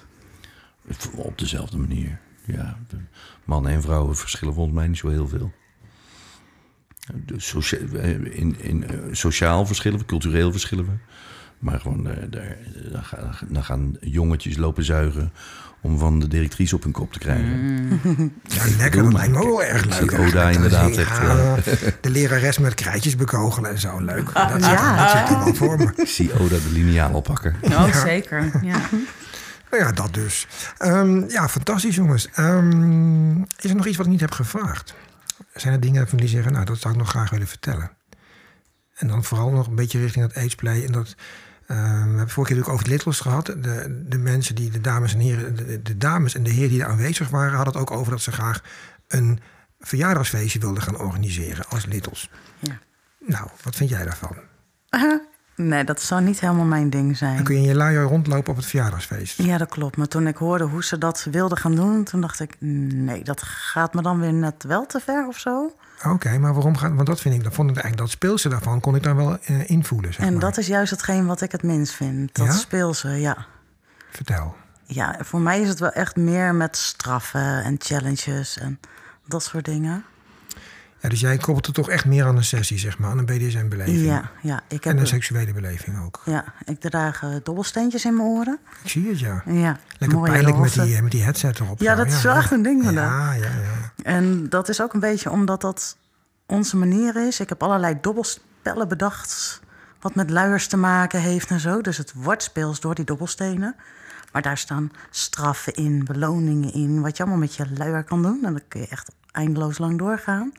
Maar dat vind ik fijner dan bijvoorbeeld ja, zo'n feestje organiseren. Ik zou wel een cake bakken of zo in mijn luier. Dat zou ik dan wel weer heel leuk vinden. Een cake bakken, wat zeg je nou? Ja, Oh, je gaat een cake staan bakken in je luier. Oké, ja. nu snap ik hem, ja. Het verder niks anders aan dan alleen een luier. Ik heb het nog nooit gedaan, maar dat soort dingen vind ik wel leuk. Maar die neem je dan mee naar zo'n feestje, of dat gaat ook weer te ver? Oh, dat zou ik misschien ook wel kunnen doen. Nee, maar het leek mij namelijk een heel leuk initiatief. Wat, wat ik eigenlijk waarmee wil zeggen is dat eh, juist op zo'n feestje kan iedereen helemaal zijn eigen ding doen en zichzelf zijn, leek mij. Of, maar dat zie jij dus echt anders.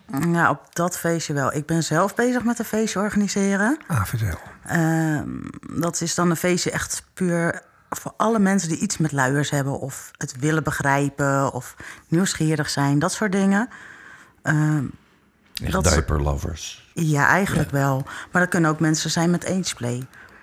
En dat ze dus gewoon kunnen komen in eigen kleding met een luier eronder... of echt in een leuk schattig jurkje, of ze mogen spelen. eh, nou, alles is in principe mogelijk. Ik ben nog bezig met de ontwikkelingen, dus ik kan nog niet echt nu iets Detail, benoemen, zeg nee, maar. Want ik moet nog de gesprekken voeren. Maar het is wel de bedoeling dat het gewoon heel luchtig wordt. Dat iedereen mag zijn wie die is. En of dat echt een ace-player is van drie maanden... of iemand van 13, 14... dat moet niet uitmaken. Maar het moet ook gewoon iemand kunnen zijn die zegt van... nou ja, ik vind het leuk om het alleen maar bij een spel te dragen. Of inderdaad die puppies die het stiekem onder hun pakje dragen. Ja, dat soort dingen vind ik leuk. En dan met elkaar gewoon in gesprek kunnen raken. Van joh, eh, waar koop jij ze? En ja, het zijn dingen die kun je niet bespreken. Welke vind je leuk? Ja, je hebt eigenlijk bijna nooit evenementen waar je dat soort dingen neer kan leggen. Nee, precies. Nou, ik begreep dus dat Karin al zoiets organiseert. Hè? En dat Ja. komt er overheen een beetje. Ja. Ben je eens geweest, Hans, bij het feest? Ja. Of? En je weet hoe dat gaat. Dus kom, sluit dat aan bij wat... eh, Ja, de- de- eh, je, hebt, je, hebt, je hebt verschillende soorten de- dingen die Karin heeft georganiseerd. En dat is inderdaad soms spel, meer in, in privésfeer, eh in zijn privékamer. En, maar dan gaat het dus echt om spelen en is niet seksueels. En soms dan, eh, dit is meer de corner time, de cornertime.nl. Eh, ja, daar, de- kijk daar maar eens op, dan zie je precies wat het is. het is corner met een C, hè? Ja. Maar Corner Time gaat volgens mij over alle ages van ageplay. Ja, Dus dat is echt van, van baby tot, tot tiener. Mhm. En iedereen die daar natuurlijk, de daddies en de mommies en eh, alle mensen die daarbij Precies. horen. Eh, maar het feestje waar jij het over had van de Liddles, dat gaat echt om de Liddles. En het feestje eh, waar jij het over hebt, gaat echt over de diaper lovers. Ja. Ja, voor iedereen. Iedereen die een luier draagt. Ja. Maar of iemand die zich klein wil voelen, dat is ook prima. Ja, ja dus maar- als jij je zegt van, nou ja, weet je, ik voel me graag 13. En ja, ik vind het niet erg om tussen alle diaperlovers ik te vind staan. het niet erg, maar het is, Het is weer net niet anders, iets waar, nee. waar ik van zeg van nou, daar wil ik uitgebreide gesprekken over gaan voeren. Ja, bij jou past die inderdaad minder weer dan, Ja. ja. en, En is dat geldt dus ook Ja. voor dat andere feestje. Weet je, Ja. ik hoef ook niet een kleine mini-verjaardag eh, met Liddles. Het lijkt me enig om als ik er per ongeluk terecht kom. Maar ik zou niet heel snel zeggen: hé, hey, daar ga ik heen. Corner time wel. Daar zijn ook andere tien eh, players, weet je. Mhm. Dat is leuk. En vaak merk je dat. Ik vind het leuk als alles bij elkaar komt. Maar als het specifieker op één groep gericht is, Ja, dan vind ik het ja. moeilijker om aansluiting te vinden, zeg maar. Ja, dat snap ik. Want, want je wil jouw specifieke fetish uit, uit gaan leven. Ja, Eh, maar, maar ik kan me voorstellen dat, misschien, weet ik niet hoor, maar gewoon eh, dat een feestje van, van andere eh 13, 14-jarige meisjes, zogenaamd, eh, hè, allemaal me met je korte rokjes en, en gewoon eh, eh, Ja. paardrijden en. en nou, die- dat alweer niet, Weet maar ik veel. we hebben Hobbelpaardrijden. Die, die, die zijn. Nou, ik ben een heel alternatief eh 14-jarig meisje. Oké, nou, hè, maar dan. Into the dat- grunge. Oké, grunge meisjes, dat, dat die gewoon helemaal hun ding samen hebben. Ja. Dat is dan wel weer. Maar dat, Ja. is, dat is dan. Je hebt een, een algemeen feestje. wat veel meer gaat over diaper lovers. en waarom hou je van luiers.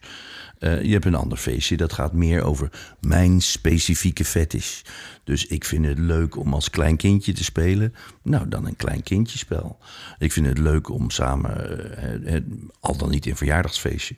Ik vind het leuk om als jonge meisjes samen, weet ik veel, dingen te doen samen. Crunch blijkbaar. Ik heb ze graag op schoot, maar gewoon... ik, ik weet even niet precies wat voor feestjes ze vieren met Nou, ik, heb, ik heb ook even met een feestje. Ik, ik, ik organiseer niks. Nee, nee, nee, nee, maar gewoon... Maar, eh, eh, eh, en ik weet ook niet zo goed. ik ben nog nooit op zo'n feestje. Ik heb nog nooit zo'n feestje voorbij zien komen ook. nee. Maar is het niet iets om dan eens te gaan kijken op vet naar mensen die dezelfde... ik had corner time gevonden. Daar wilde ik heel graag heen. Ja. Toen kwam corona om de hoek zetten. En de keer Ja, daarna maar dat was, is nu het, klaar. Nu kun je gewoon was de kinderweekend. Ja, maar dat Ja. je het zelf organiseert. Dus nood inderdaad in Ja, ik ga dat niet organiseren. Ik ben geen organisator. Oh, nee, dan wordt het lastig. Maar gelukkig ben jij dat wel, Babanja. Dus Ja, Precies. Wie weet kan Ja. ik het nog wel. Ja. Waarom niet? Of verder uitbreiden. Ik moet de gesprekken nog voeren, dus wie weet. Maar ik zou het echt doen, hè? Want ik denk Ja. dat er serieus behoefte is. En ehm, dit maakt natuurlijk ook een beetje omdat mensen die dit nu luisteren en die misschien zoekend zijn, denken van, goh, dat lijkt me wel leuk. Weet je wel, wat zouden ze dan kunnen doen, denk je? Wat zijn nu de opties voor mensen die zich met eh, bijvoorbeeld luierplay identificeren en zeggen, dat zou ik graag willen onderzoeken? Kunnen natuurlijk naar, eh, heeft, eh, wat zijn het, hoe heet het feestje van Karin? Cornertime.nl cornertime.nl. Dat is een van die ze ook nog bijzetten, ook in de omschrijving. Is er nog een andere plek waarvan je denkt, daar kunnen mensen dat stuk gaan zoeken in Nederland? Ik vind dat eigenlijk heel lastig. Omdat alle mensen die ik leer kennen... die ken ik echt door mijn vetfoto's. Die zien jouw profiel en die gaan erop reageren. Ja, en inderdaad, als ik op een munch ben... of net als bij VSSM, ja, ik ga gewoon die gesprekken aan. En daardoor vertellen mensen... en dat is eigenlijk de reden waardoor ik in gesprek ben. Maar ik heb niet echt dat ik feestjes of dat soort dingen. Nee, nee, maar dat is ook wel goed. En bij de VSM kun je dus ook terecht, begrijp ik hiervoor. Bijna. Ik ben er eh, druk mee bezig om bij VSSM inderdaad nou ja, dat feest te organiseren. Eh, het is in volle gang om het te organiseren. Dus heel veel eh, vraag naar blijkt vanuit alle doelgroepen. En dan wil ik dat inderdaad wel als een vast iets. Ik hoop dat de VSM het ook goed vindt. Maar wil ik dat als een vast iets maken daar? Maar heb je de VSM dan nodig? Ik bedoel, het leuk dat ze nee, helpen. ik heb de VSSM niet nodig. Dus als ik er echt op spaak loop, zou ik het heel goed zelf kunnen. Zeker alleen met locaties. Maar dat Mhm. Ja, die zou vind ook je wel, goed. joh. Ja, daarom, dat komt Ja. ook goed.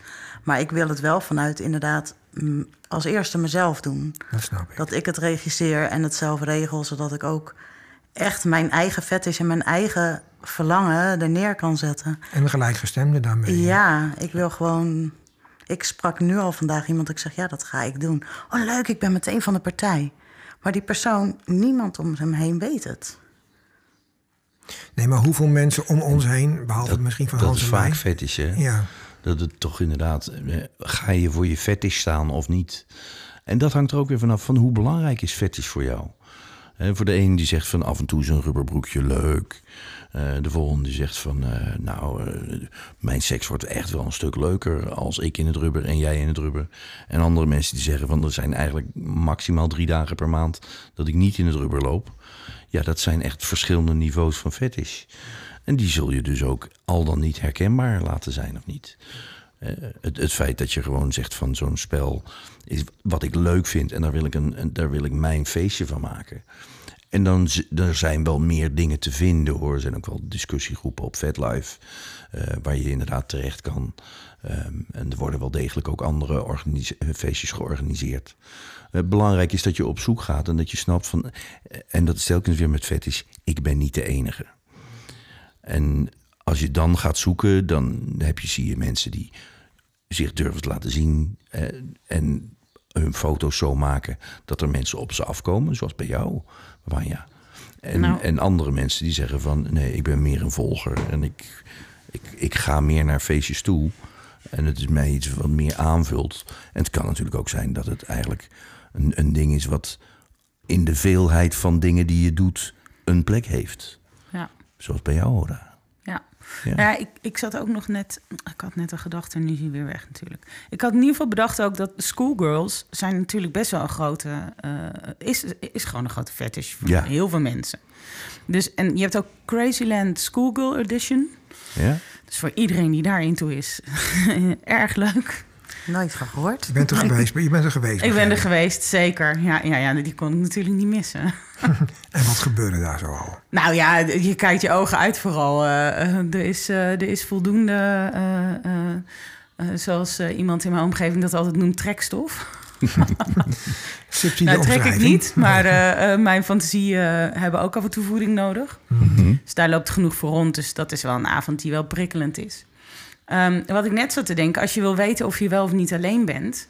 eh goede tip die ik ooit krijg. Ga eens googelen op eh, pornofilmpjes eh, die dit laten zien... en kijk eens hoeveel het gestreamd wordt. Je zult zien dat je niet de enige bent. Klopt. Met geen enkele fetish, hè? Met geen enkele fetish. Nee, dus de nee, truc is, waar vind je de Schoolgirl, andere? ik bedoel, Nee, schoolgirl is echt belachelijk. Je, je, je- je vindt het in, in cheerleaders, eh, Ja. nou, noem het maar op. En family porn ook hoor. Echt, ik weet niet hoeveel filmpjes ik wel niet heb verzameld ondertussen. Eh deze En waar je hebt meegespeeld, omdat je het niet te geloven. Iedere keer zien we je weer terug. Nee, Ik? eh, Nee. Ja, nee. Helaas, daar ben ik te oud voor. nee dat lijkt me. Je bent nooit te oud. Het is voor elke doelgroep serieus. Er is voor Nee. elke Ik doelgroep ben iets alleen wat. heel jong in mijn hoofd. Nou en of. Ja, je bent en- niet oud hoor, je bent hartstikke jong. Echt. Ik kan het weten. Ja, maar voor teenage, daar kom ik toch echt niet meer mee weg. Jawel. Ik weet Nee, laatst werd ik wel nog het niet. 28 geschat. Dat ik echt dacht, nou schatje, je hebt het nog niet helemaal door. Maar je hoeft er niet te zijn om het wel te kunnen spelen. Tuurlijk, nee, dat weet ik. Dat weet ik uitermate goed. En, en in een aantal gevallen zie je inderdaad eh, ageplay filmpjes waarbij het eruit ziet alsof het jonge meisjes zijn. Altijd Ja. vrouwen van ah, minstens 18, maar Mag het hopen. ja, Ja. nee, dat is. eh, Ja, oké, je hebt ze- ze bestaan ook, maar, de- maar dat is dus inderdaad, dat is pedofilie. Ja. En ik heb ooit wel eens een keer in eh, een filmpje gezien waarvan ik dacht van, oké, ik weet gewoon niet zeker of dit wel 18 Die zijn is. ongemakkelijk om te kijken. Nou, Ja, ik vind, vind ik, ik niet zo niet, alleen ongemakkelijk. Daar, daar werd ik echt heel beroerd van. En ik heb ook Ja. gezegd van... Ik weet niet of het zo is, maar dit is iets wat even onderzocht mag worden. Ja. Eh, ehm, maar waar het veel meer om gaat, is dat je ook eh, best een hele hoop mensen hebt... die inderdaad op, op soms 50, 60-jarige leeftijd schoolmeisje willen zijn. Ja. En, en eh, een hele hoop mannen en vrouwen die het leuk vinden om dat schoolmeisje eh, op schoot te nemen. En even onder het net iets te korte rokje te voelen en, en me- met de sinaasappeltjes te spelen. Fruitfetish, bestaat het ook? Vast wel. Ongetwijfeld. Ja. Nou, je hebt een fetish die heet crushing, waarbij dames meestal in bepaalde hakken ha- of heels of met blote voeten allerlei soorten fruit vertrappen. Oh ja? Ja, Ja. ik heb zelf ook een voetfetish en ik vind daarbinnen heb je dus heel veel soorten. Ik heb daar dan iets minder mee, maar ik snap hem wel. Eh, en dat is dus, eh, dat varieert ook tot slakken, laten kraken, dwars dat soort dingen. Dat is echt niet te geloven. En er zijn dus dames met slechts hun enkels in beeld of net onder de knie. Die zijn dan inderdaad fruit aan het vertrappen of zo. Hè? Dat gebeurt. Of speelgoedautootjes. Speelgoedautootjes. Verzin het maar, ze trappen het kapot. Ik bedoel, de, de, de wereld van vetjes is heel groot en rijk. En als je inderdaad naar de goede kant ervan kijkt... en je maakt er een, een verrijking van in je leven... en je krijgt dat thuisgevoel van ik mag zijn wie ik ben...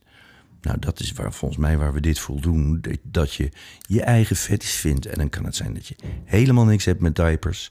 helemaal niks hebt met littles, helemaal niks... maar dat je jouw fetish vindt, dat is waar het denk ik om draait. Ja, wat, wat, er is één ding wat ik daar nog wel bij wil, een kanttekeningetje plaatsen. Dat is, geldt dan voor mezelf. Ehm, een tijdje heb je die, eh, die app gehad, ik ben even alweer de naam kwijt... waarin je met z'n allen, Clubhouse heet dat volgens mij... dan kun je met z'n allen praten in een soort, ook podcast, live-achter streaming ding. Daar heb ik op uitnodiging aan twee afleveringen meegewerkt... van een dame die ook iets organiseert over seksualiteit. Erg leuk initiatief. Maar dan merk ik gewoon, als ik in die groep luister naar de dingen, de zaken waar de mensen die daarin zitten, zeg maar vanilla zaken waar ze mee bezig zijn, dat ik daar eigenlijk voor een bepaald deel van vervreemd ben. Door mijn contact heel breed in de scene, zeg maar, met allerlei mensen. Vind ik het steeds moeilijker om, eh, ik begrijp alles wel, maar ik vind het steeds moeilijker om daar nog mee te levelen. Be- Begrijp je een beetje wat ik bedoel, Hans? Dat heb ik wel af en toe. Heb je dan een voorbeeld? Ja. Nou ja, dat was eh, dat, dat ehm, het, het, het meest ehm, nare voorbeeld is eigenlijk dat je dan wordt er gesproken over iets wat heel erg vet is, zoals wij nu praten, hè, over jouw voorkeur bijvoorbeeld. En dat iemand dan gewoon een tekst plaatst van ja, maar ja, wanneer begint het neuken? Dus dat heel bot afkappen en het puur weer terugbrengen naar de seksuele handeling, zonder dat het fetishdeel daarbij een waarde heeft. Maar ligt dat niet aan die groep? Nou, ik wil niet zeggen dat aan iemand het ligt. Wat ik mij probeer te zeggen is dat die vorm van communicatie, daar heb ik helemaal niks meer mee. En dat gebeurt natuurlijk heel veel. Het gaat heel vaak om stoer gedrag en om neuken, neuken, neuken, neuken. Dat is allemaal wat, wat bij mannen en vrouwen overgaat. En wat ik dus heel lastig vind, is dat ik het moeilijk vind met die mensen te communiceren, omdat het alle verfijning voor mij mist, of alle speelsheid, zeg maar. En dat vind ik, ik wil niet zeggen de downside, maar hoe meer je dus het omarmt en ermee bezig gaat, hoe lastiger het soms kan zijn, voor mijzelf, om eh, ja, nog te communiceren met mensen die er helemaal niets mee hebben. Of tenminste denken te hebben of zeggen te hebben. Dus dat vind ik het enige wat voor mij dan... Je verliest een stukje contact met een bepaalde groep, laat ik het dan zo omschrijven. Ik spreek voor mezelf nu. Hè. Maar op het moment dat jij alleen maar frieten uit de muur trekt en, en broodjes bal uit de muur trekt, en dat is jouw voeding, en dat is alles wat je eet, en je snapt niet waar die mensen met hun, met hun slakjes en met hun soepen en met hun ijsjes toe over lullen, eh, de- dan, dan ga jij het hebben als we het over een smakelijke vijf, eh, vijf sterren maaltijd hebben.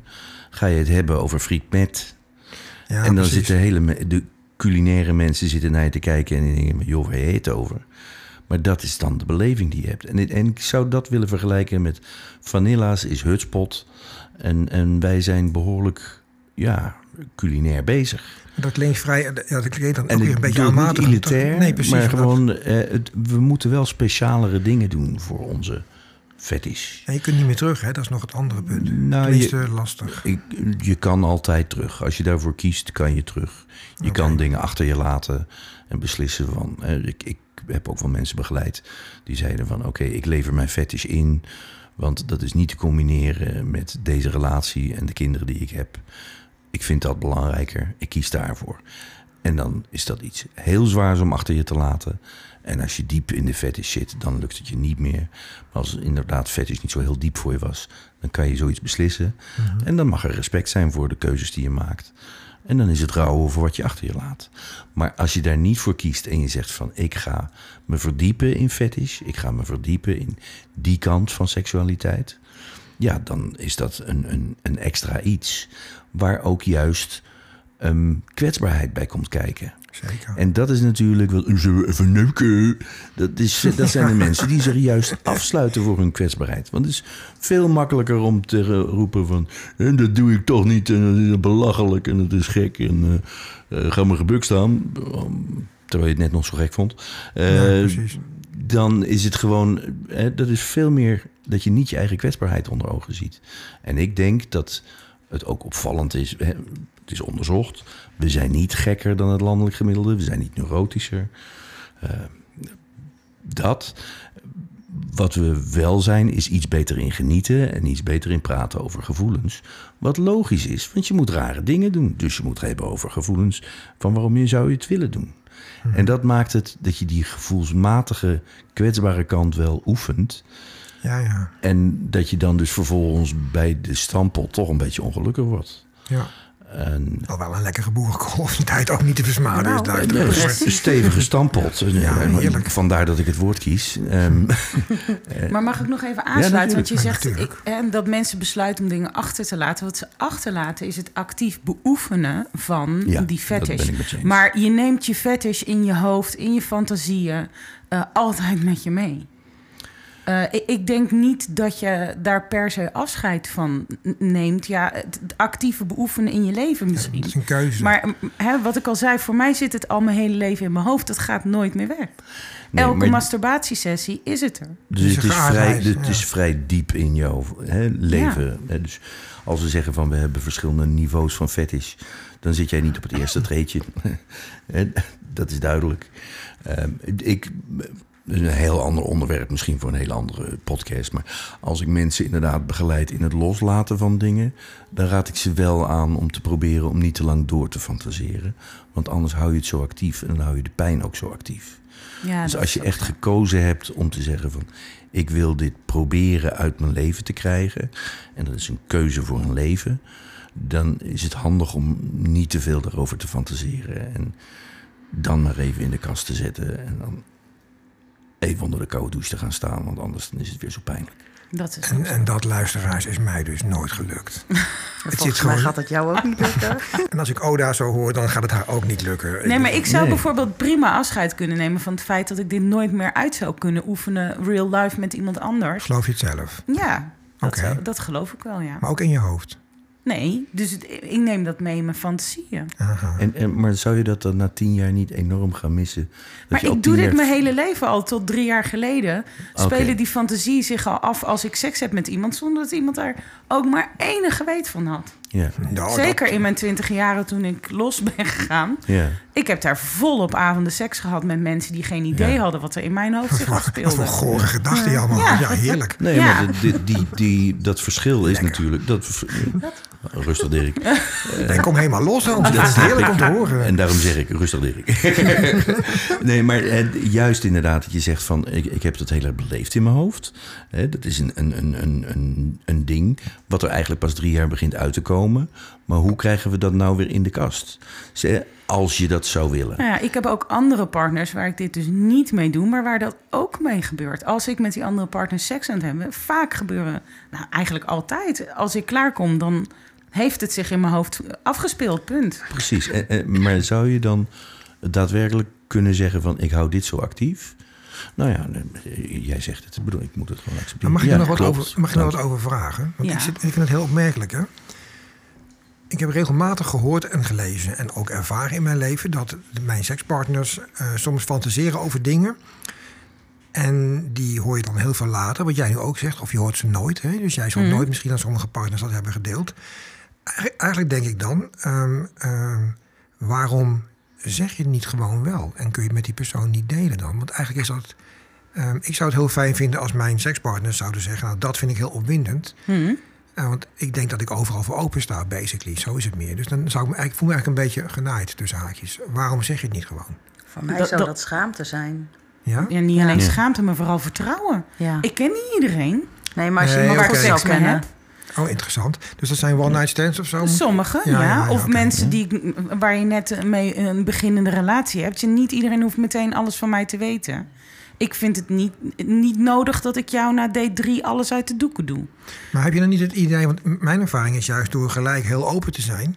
Ik begin niet meer aan omgang met sekspartners als ze niet van tevoren 100% weten, nou ja, helemaal weten hoe ik in elkaar zit. Want dat scheelt een heleboel gedoe achteraf. Maar dat is ook precies het verschil tussen jij wil dat gedoe, zal ik maar zeggen. Jij wil die fetish wil je uitleven. Terwijl Oda zegt van ik kan het ook prachtig in mijn hoofd uitleven en dat is voor mij voldoende. Ja, precies. Dat is een verschil van, eh, van Ja, fetishniveau. vind ik heel knap. Het zou mij niet meer lukken namelijk. Maar ik vind zoveel dingen leuk dat ik met zoveel verschillende partners verschillende dingen kan doen. En ik hoef niet. Kijk, en dit zit altijd in mijn hoofd. En ik hoef dit dus niet altijd te delen om het wel te hebben. Nee, precies. Hm. Dat betekent dat ik gewoon kan kiezen wie ik vertrouw daarin. Ja, ja, ja. Ja, Dat is ook heel goed. want ik denk wel dat inderdaad het vertrouwen en, en de angst voor eh, dat, dat je wordt uitgestoten, dat je belachelijk wordt gemaakt, dat dat iedere keer de reden is waarom Ja. verzwegen worden. En dat, hoe kan iemand weten, ja, behalve dan bij jou, want jij bent er onbekend. eh, maar Jij ook. We zijn er wij, eh, beide. Eh, maar hoe kan iemand weten dat die specif- specifieke fetish...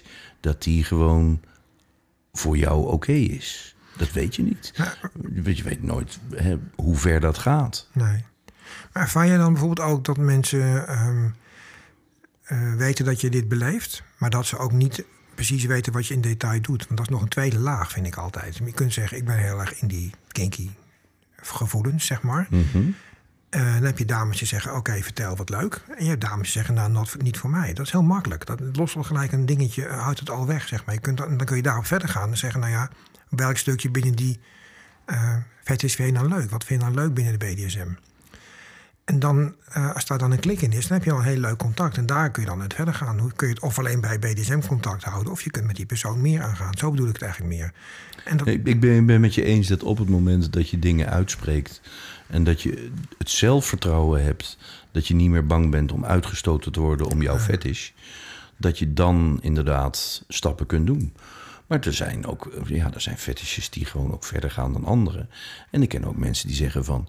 eh, ja, poep is helemaal mijn ding. Ehm, ja, die raad ik ook niet per se aan om in de eerste date te zeggen van poep is mijn ding. Eh, You, you can't see unseen, you can't unsee things you've seen. nee, precies. Nee, nee, nee, en klopt. als je dat in je partner hebt gezien, dat, ja. En, en, en hoe, hoe ga je daarmee om? Mhm. Nou, dat zijn hele lastige dingen. Ja. Nou, dat vind ik heel interessant zoals Babanja dat zegt. Want jij zit nog met die shame-versie in je hoofd. Hè? Ja. Dat- Ja, En voor mij is ook dat niet elke fantasie hoeft werkelijkheid te worden. ook. Dus als ik fantasieën heb, dan ga ik eerst voor mezelf uitvinden of ik het echt zou willen. En ja, ik heb met mijn D echt nu wel de goede klik, zeg maar, dat ik het, hem ja, het later wel durf te vertellen. Via jullie, WhatsApp. eh, jullie hebben het leuk, hè, samen. Ja, heel echt heel Ik leuk. zag het. Fantastisch. En, maar ik doe het wel via WhatsApp, want ik durf niet in zijn gezicht te kijken als ik vertel wat ik echt heel leuk vind. En ja, dan proberen we het wel. En dat is wederzijds. Hij zegt alles of hij gaat het gewoon ineens proberen en dan kijken hoe ik erin sta. Nou ja, en dan komen we vanzelf wel aan mijn reactie erachter van... oh, dat is leuk, dit gaan we uitbouwen. Maar dat zeg niet alles hoeft... eh, niet alles kan in één keer op tafel. Maar ook niet alles hoeft in één keer op tafel. Het komt later wel. En ja, voor mij werkt het... Mijn ja, fantasieën die komen later wel een keer aan bod. Dat zijn er te veel. Dus ik heb elke keer zoiets... oh, dit vind ik wel leuk. En dan zeg ik op een gegeven moment stuur ik een plaatje. Dit is eigenlijk best wel leuk. Dat is trouwens een hele goede truc. Hè? Als je je partner wil eh, motiveren, laten we het zo omschrijven. Dan is het sturen van een fotootje of een tekeningetje. Heel eh, goede manier om te communiceren dat je dat wilt. Ja, de- de- laat lezen, laat kijken. En dan vervolgens kan je dingen samen gaan doen. Ja. Maar hè, plaatje laten zien, filmpje kijken. Vervolgens informeren. Vervolgens Vervolgens grijp je hem. Dat is het een beetje. Of haar. Nou nee, vervolgens is het kijken hoe andere mensen doen en dan is het zelf doen. Dat is Ja. ongeveer de volgorde die ik vaak aanraad. Wij kijken ook op vet wat wij alle twee lijken, zeg maar, van elkaar. Wat lijkt hij, wat lijk ik? Dan weet je ook een beetje hoe de ander erin Ja, staat. slim. Ja, heel goed. Ja. Oké, nou, we zijn een klein beetje off-topic hier en daar, geloof ik. Maar dat geeft niet, denk dat het niet... Nogal. maar de bottom line is denk ik duidelijk. We hebben het ehm, Ja. behoorlijk allemaal kunnen bespreken, voor mijn gevoel. Ehm, is er nog iets wat jullie zouden willen toevoegen aan deze podcast? Ongetwijfeld achteraf, maar... Ja, oh ja, nu achteraf even niet. altijd. Ja. Nou, stuur een mailtje en dan plak ik het erin. Nee. Ehm, nou, dan rest mij nog jullie te bedanken voor jullie komst. Ik vind het echt superleuk dat jullie hier eh, zijn geweest. En ehm, ook ontzettend leuk, dat geldt ook voor andere luisteraars. Heb je zin om te reageren op een aflevering? Mis je iets? Herken je er iets in? Wil je er iets over delen?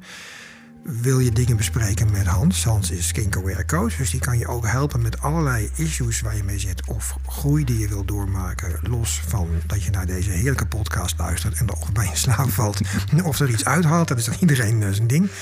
Ehm, maar ehm, ja, ik hoop dat jullie allemaal hier iets aan hebben gehad. Voor mij zijn dingen weer een stuk duidelijker geworden in zaken de ageplay.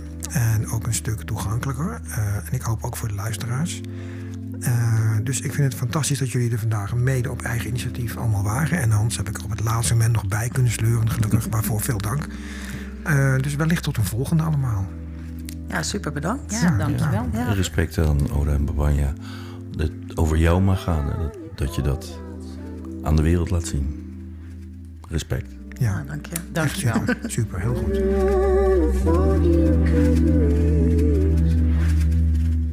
Dank voor het luisteren naar de Fetish podcast. Via de website synquest.nl kun je altijd een reactie sturen. Bijvoorbeeld als je zelf een verhaal hebt wat je graag met ons wilt delen. Op de site vind je ook linkjes naar andere podcasts en mogelijk voor jou interessante sites over BDSM in het algemeen. Dat was het voor nu. Tot de volgende keer. En reageren kan dus via synquest.nl. S-I-N van Nico, quest.nl.